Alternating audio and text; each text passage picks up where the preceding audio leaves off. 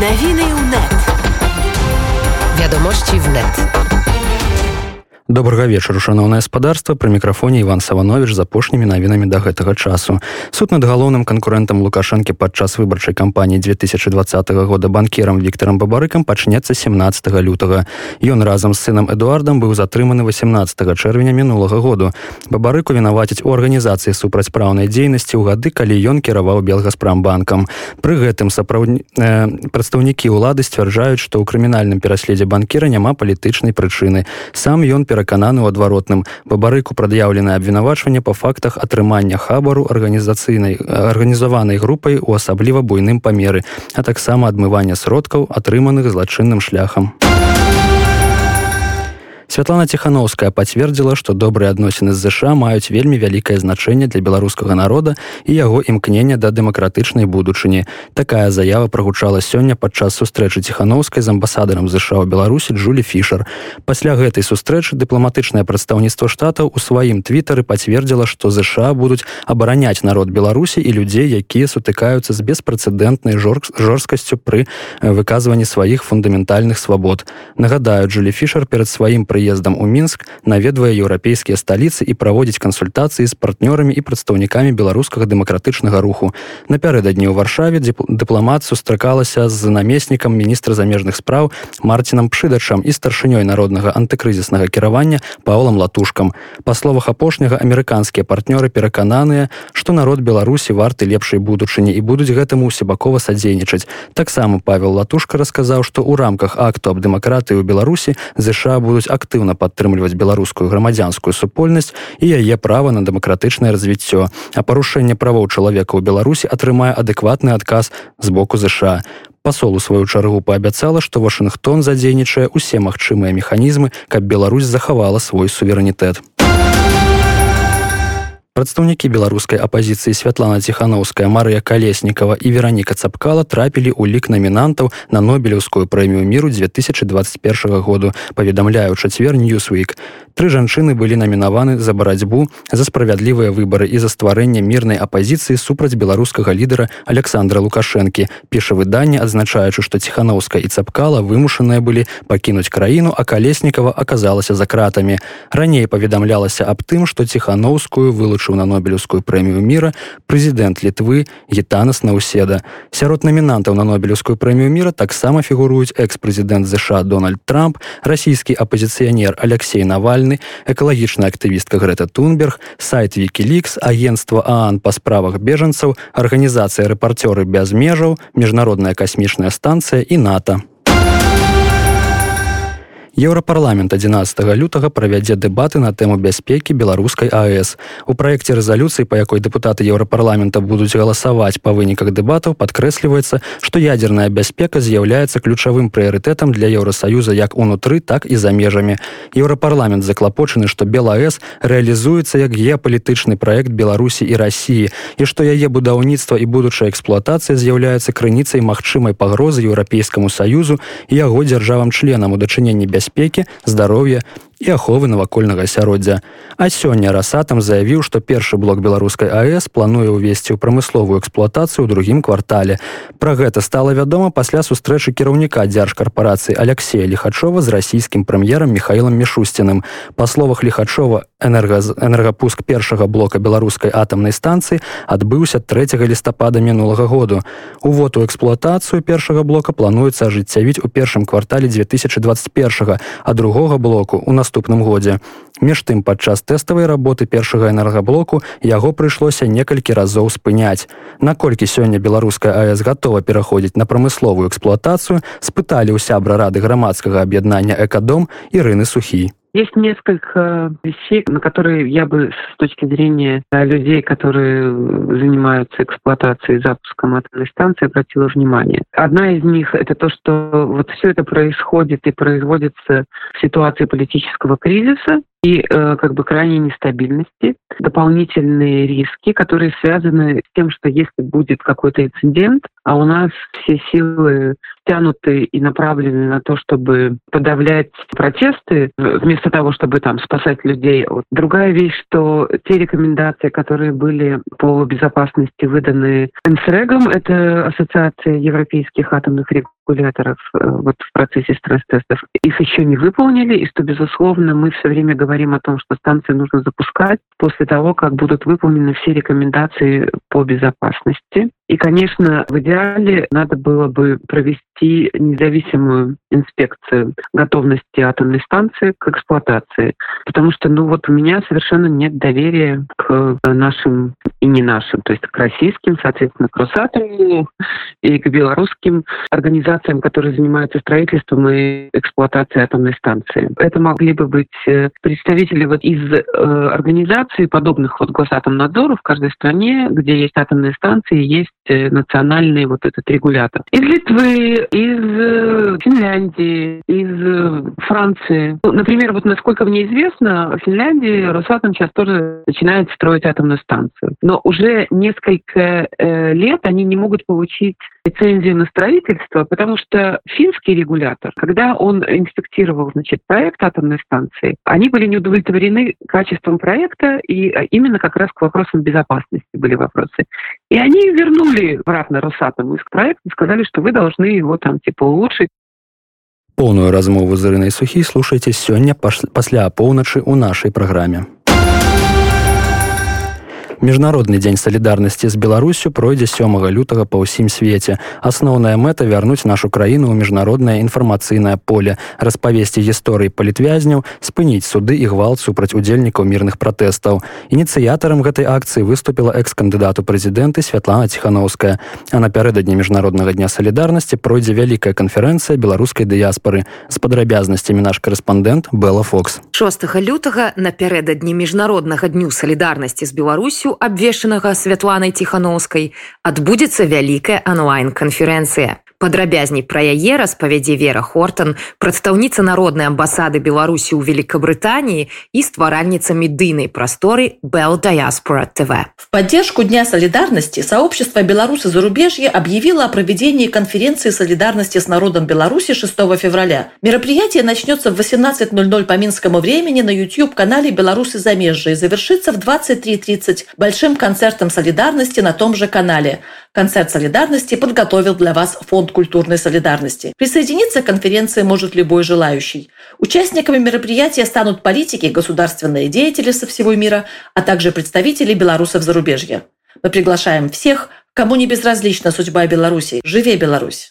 Падчас канферэнцыі адбудзецца круглы стол на тэму таго, як свет можа дапамагчы Беларусі. Удзел у ім ужо пацвердзілі такія палітыкі, як віцэ-прэзідэнтка еўрапарламенту Нікола Бір, некалькі дэпутатаў еўрапарламенту з розных краінаў, міністр замежных справаў Чэхі Томаш Петрычак і намесніца генеральнага дырэктара еўрапейскай камісіі Катарына Мацернава. Сярод гасцёў з рассіі можна будзе пабачыць былога сустаршыню рэспубліканскай партыі рассіі парнас у владимира рыжкова і заснавальніцу фонду адну з дырэктараў цэнтру імя нямцова жанну нямцову. Беларускі бок прадставяць абраная лідар светлана тихохановская саветнік штабу па міжнародных пытаннях франак вячорка і кіраўнік народнага антыкрызіснага кіравання Павал Латушка. Таксама падчас канферэнцыі адбудзецца ўручэнне прэміі Human Rights Award 2021 ад фонду Баум і прэзентацыя Global Belarusian Solidarity Award ад цэнтру беларускай салідарнасці. Каардынатарка праекту народных амбасадаў Аліса з беларускай дыяспоры Францыі распавяла і пра адкрыццё новых народных амбасадаў Беларусі.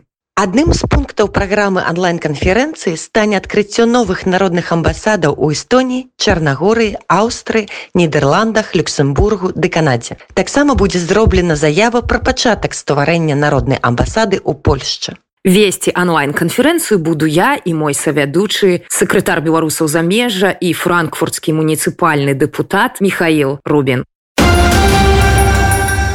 Германія спрашчае магчымасць атрымання візы для грамадзян Беларусі, якіх пераследуюць па палітычных матывах. Размова ідзе пра ахвяр катаванняў актывістаў, якім патрабуецца абарона і членаў іх сем'яў. Інфармацыю аб спрашчэнні візавага рэжыму агучыў дзяржаўны міністр па справах Еўропы ў знешнепалітычным ведомстве Михаэль Рот. У адказ на запыт дэпутата партыі саюз 90 зялёнай Мануэля Сарацына.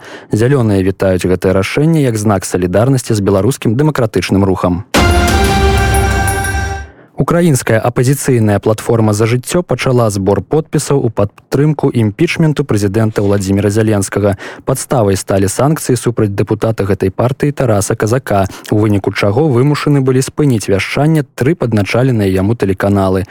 Кіраўнікі іншых сМ рашэнне зяленскага падтрымалі. З разуменнем паставіліся да сітуацыі і замежныя дыпламаты. За падзеямі ва ўкраіне сочыць наш корэспандэнт яўген казакевич прывітанне калегі. Перад гісторыя такая. У аўторак увечары прэзідэнт украіны владимир зяленскі увёў санкцыі супраць дэпутата верхоўнай рады тараса казака і трох інфармацыйных тэлеканалаў які яму належаць. У выніку 112 украіна зік і ньюсуан вымушаны былі спыніць вяшчанне. Афіцыйна гэта гучыць так. Па рашэнні савета нацыянальнай бяспекі і абароны ад 2 лютага 2021 года аб прымяненні персанальных сацыяльных эканамічных і іншых абмежавальных мер у дачыненні да некалькіх тэлеканалаў. Депутат казак уваходзіць у фракцыю прарасійскай партыі апазіцыйная платформа за жыццё Віктора медведчука. І менавіта медведчука на ўкраіне часта называюць рэальным уласнікам названых каналаў. Владимир зяленскі у твиттары назваў санкцыі складаным рашэннем дадаўшы што барацьба за незалежнасць гэта барацьба у інфармацыйнай вайне за праўду і еўрапейскія каштоўнасці. Заблакаваныя каналы ў сваёй сумеснай заяве назвалі санкцыі палітычнай расправай над незалежнымі сМ а Віктор медвячук заявіў што яго партыя ініцыюе працэс імпічменту прэзідэнта зяленскага. У рэзалюцыі апозіцыйнай платформы за жыццё адзначаецца што дзеянні кіраўніка украінскай дзяржавы антыканстытуцыйныя і супрацьпраўныя. У парламенце пачаўся збор подпісаў за імпічмент зяленскаму. Згодна з дзеючым украінскім заканадаўствам падставай для запуску працэдуры з'яўляецца пісьмовая заява якую падпішуць большасць дэпутатаў ад канстытуцыйнага складу рады. Гэта значыць 226 парламентарыяў іх подпісы не адклікаюцца а для таго каб давесці гэтую працэдуру до конца на фінальным этапе за рашэнне аб адхіленні прэзідэнта з пасады павінны прагаласаваць 338 дэпутатаў верхоўнай рады. У цяперашнім складзе парламента дзе фармальнай большасцю валодае партыя зяленскага слуга народа такі варыянт развіцця падзей уяўляецца вельмі малаверагодным тым часам сам зяленскі падрабязна патлумачыў сваё рашэнне і журналістам і дыпламатам. У прыватнасці ён правёў сустрэчу з кіраўнікамі вядучых украінскіх тэлевізійных каналаў дзе заявіў што рашэнне не мае ніякага дачынення да іншых тэлеканалаў. Ва ўкраіне на сённяшні дзень няма пагрозы ні свабодзе слова ні медыа бізнесу цытуе зяленскага яго прэс-служба. А каналы потрапілі пад санкцыі ў сувязі з фінансаваннем з рассіі і супрацоўніцтвам з тэрарыстычнымі арганізацыямі. Топ-менеджеры украінскіх тэлеканалаў выказалі поўную падтрымку прэзідэнту і самі адзначылі што сМ якія потрапілі пад санкцыі даўно праводзяць антыдзяржаўную палітыку і дзейнічаюць у інтарэсах прапаганды з боку расійскай федэрацыі. Прыблізна такой жа была рыторыка і на сустрэчы зяленскага з амбасадарамі краін вялікай сямёркі і еўрапейскага саюза. Дыпламаты пагадзіліся што ёсць патрэба змагацца з дэзінфармацыяй у рамках свабоды і плюралізму сМ паведамляецца на старонцы паслоў краін g7 ва ўкраіне у твиттер Назіральнікі прадракалі праблемы канала медведчука яшчэ ўлетку 2019 года. Тады канал Ньюсуан заявіў пра намер правесці тэлемост паміж Украінай і рассіяй. Расійскім партнёрам гэтага праекта павінен быў стаць дзяржаўны тэлеканал Расія 24, а ўпершыню паведаміў пра гэта вядучы праграмы весці тыдня Дмітрый кісялёў.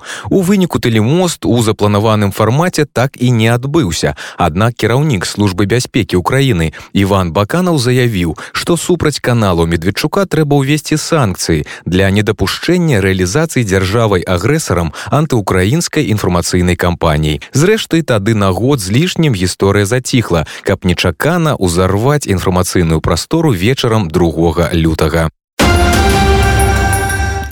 сёння 275 гадавіна з дня нараджэння нацыянальнага героя беларусі польшчы і ЗША тадэвуша касцюшкі. Штогод памятныя мерапрыемствы ў гэты дзень праходзяць на радзіме касцюшкі ля музея сядзібы ў івацэвіцкім раёне. Але сёлета ўсе ўрачыстасці адмянілі з-за каронавірусу. Гэтым разам да юбілею музей адкрылася толькі выстава тадэвуш касцюшка як мастак. Яна будзе працаваць цягам года. Таксама сёння прайшла онлайн-канферэнцыя прысвечаная нашаму слыннаму земляку. Там выступила экс кандыдату прэзідэнта святлана ціхановская яна назвала касцюшку героем і сказала што лічыць героем кожнага беларуса а чым гісторыкам імпануе асоба касцюшкі сваім меркаваннем падзяліўся андрусь унучак. Больш за ўсё падабаецца ягоны характар потому что ну напрыклад я хочу сказаць что з самага дзяцінства ён быў таким кволым хлопчыкам чалавекам які не надаваўся на военную службу але сабраўшы ўсю волю сваю кулак ён пачаў загартоўвацца фізічна. Ён пачаў загартоўвацца маральна. Мне спадабалася ягоная ну скажем так кемлівасць. Ну напрыклад ёсць такая гісторыя про яго что калі ён потрапіў расійскі палон то пасля смерти кацярыны другой наступны імператор павел першы ён хацеў вызваліць касцюшку і паставіў яму умову что касцюшка будзе вызвалены калі прысягне Росіі ну касцюшка казаў добра прысягну і вельмі цікавая гэта прысяга была. Ён прысяг прысягнуў і ён сказаў что я прысягаю той зямлі на якой стаю Ну гэта было петербургу але паводле такой легенды что перад гэтым ён насыпаў сабе у боты зямлі узятай з беларусі. І вось стоячы на гэтай зямлі ён прысягнуў. Ну пасля гэту зямлю высыпаў. Таким чынам ён прысягнуў сваёй краіне і вызваліўся з расійска палону. Ну, гэта можа быть легенда можа быть такая показка але она была шырока вядома яшчэ ў 19 стагоддзе Ну і таксама тое что ён застаўся верным у самых розных акалічнасцях. Ну напрыклад Наполеон Бонапарт ён увесь час імкнуўся схіліць касцюшку на свой бок але гэта яму не ўдалося. Касцюшка сказаў что у прынцыпе вялікае княства літоўская і рэч паспалітая будуць вызваленыя уласнымі сіламі а не з дапамогай замежнай інтэрвенцыі. У гэтым сэнсе ён быў паслядоўны і нягледзячы на настойлівасць французскага імператора ён не згадзіўся з ім супрацоўнічаць. І ён застаўся сімвалам барацьбы так што нават кастусь каліноўскі у мужыцкай праўдзе згадваў касцюшку як такога станоўчага героя А Польша і літва заклікаюць беларускія ўлады правесці сёлета дэмакратычныя выбары. Такую дэкларацыю прынялі сёння парламентарыі польскага і літоўскага сеймаў. Дата прыняцця сумеснага дакументу невыпадковая. 4 лютага прыпадае 275 гадавіна з дня нараджэння тадэвуша касцюшкі. У дэкларацыі гаворыцца, што тадэвуш касцюшка змагаўся за такія ідэалы, як свабода, незалежнасць і роўнасць перад законам. Між тым сёння, як адзначаюць у вільні і варшаве беларусы падвяргаюцца пераследу за адстойванне права на асноўныя грамадзян грамадзянскія свабоды а рэжым лукашэнкі застаецца пры ўладзе пасля фальсіфікацыі выбараў польскія і літоўскія парламентары разлічваюць на тое што іх сумеснай дэкларацыі зацікавяцца амерыканскія кангрэсмены тадэуш касцюшка таксама ўвайшоў гісторыю ЗША як герой барацьбы за незалежнасць У бліжэйшы час у генеральную пракуратуру беларусі накіруюць петыцыю аб абароне бел чырвона-белага сцяга. Збор подпісаў завяршыўся сёння ўвечары і перасягнуў лічбу ў 90 тысяч. Падпісанты петыцыі трэ патрабуюць спыніць пераслед беларусаў за выкарыстанне сімволікі якая ўяўляе сабой нематэрыяльную культурную каштоўнасць а таксама прызнаць бел чырвона-белы сцяг гісторыка-культурнай спадчынай Тэкст петыцыі будзе разглядацца як калектыўны зварот грамадзян у адпаведнасці з беларускім законам. Гэта ўсё да гэтага часу наступны выпуск навін слухайце а поўнач. Навіны ў нет. Вядомасці в нет.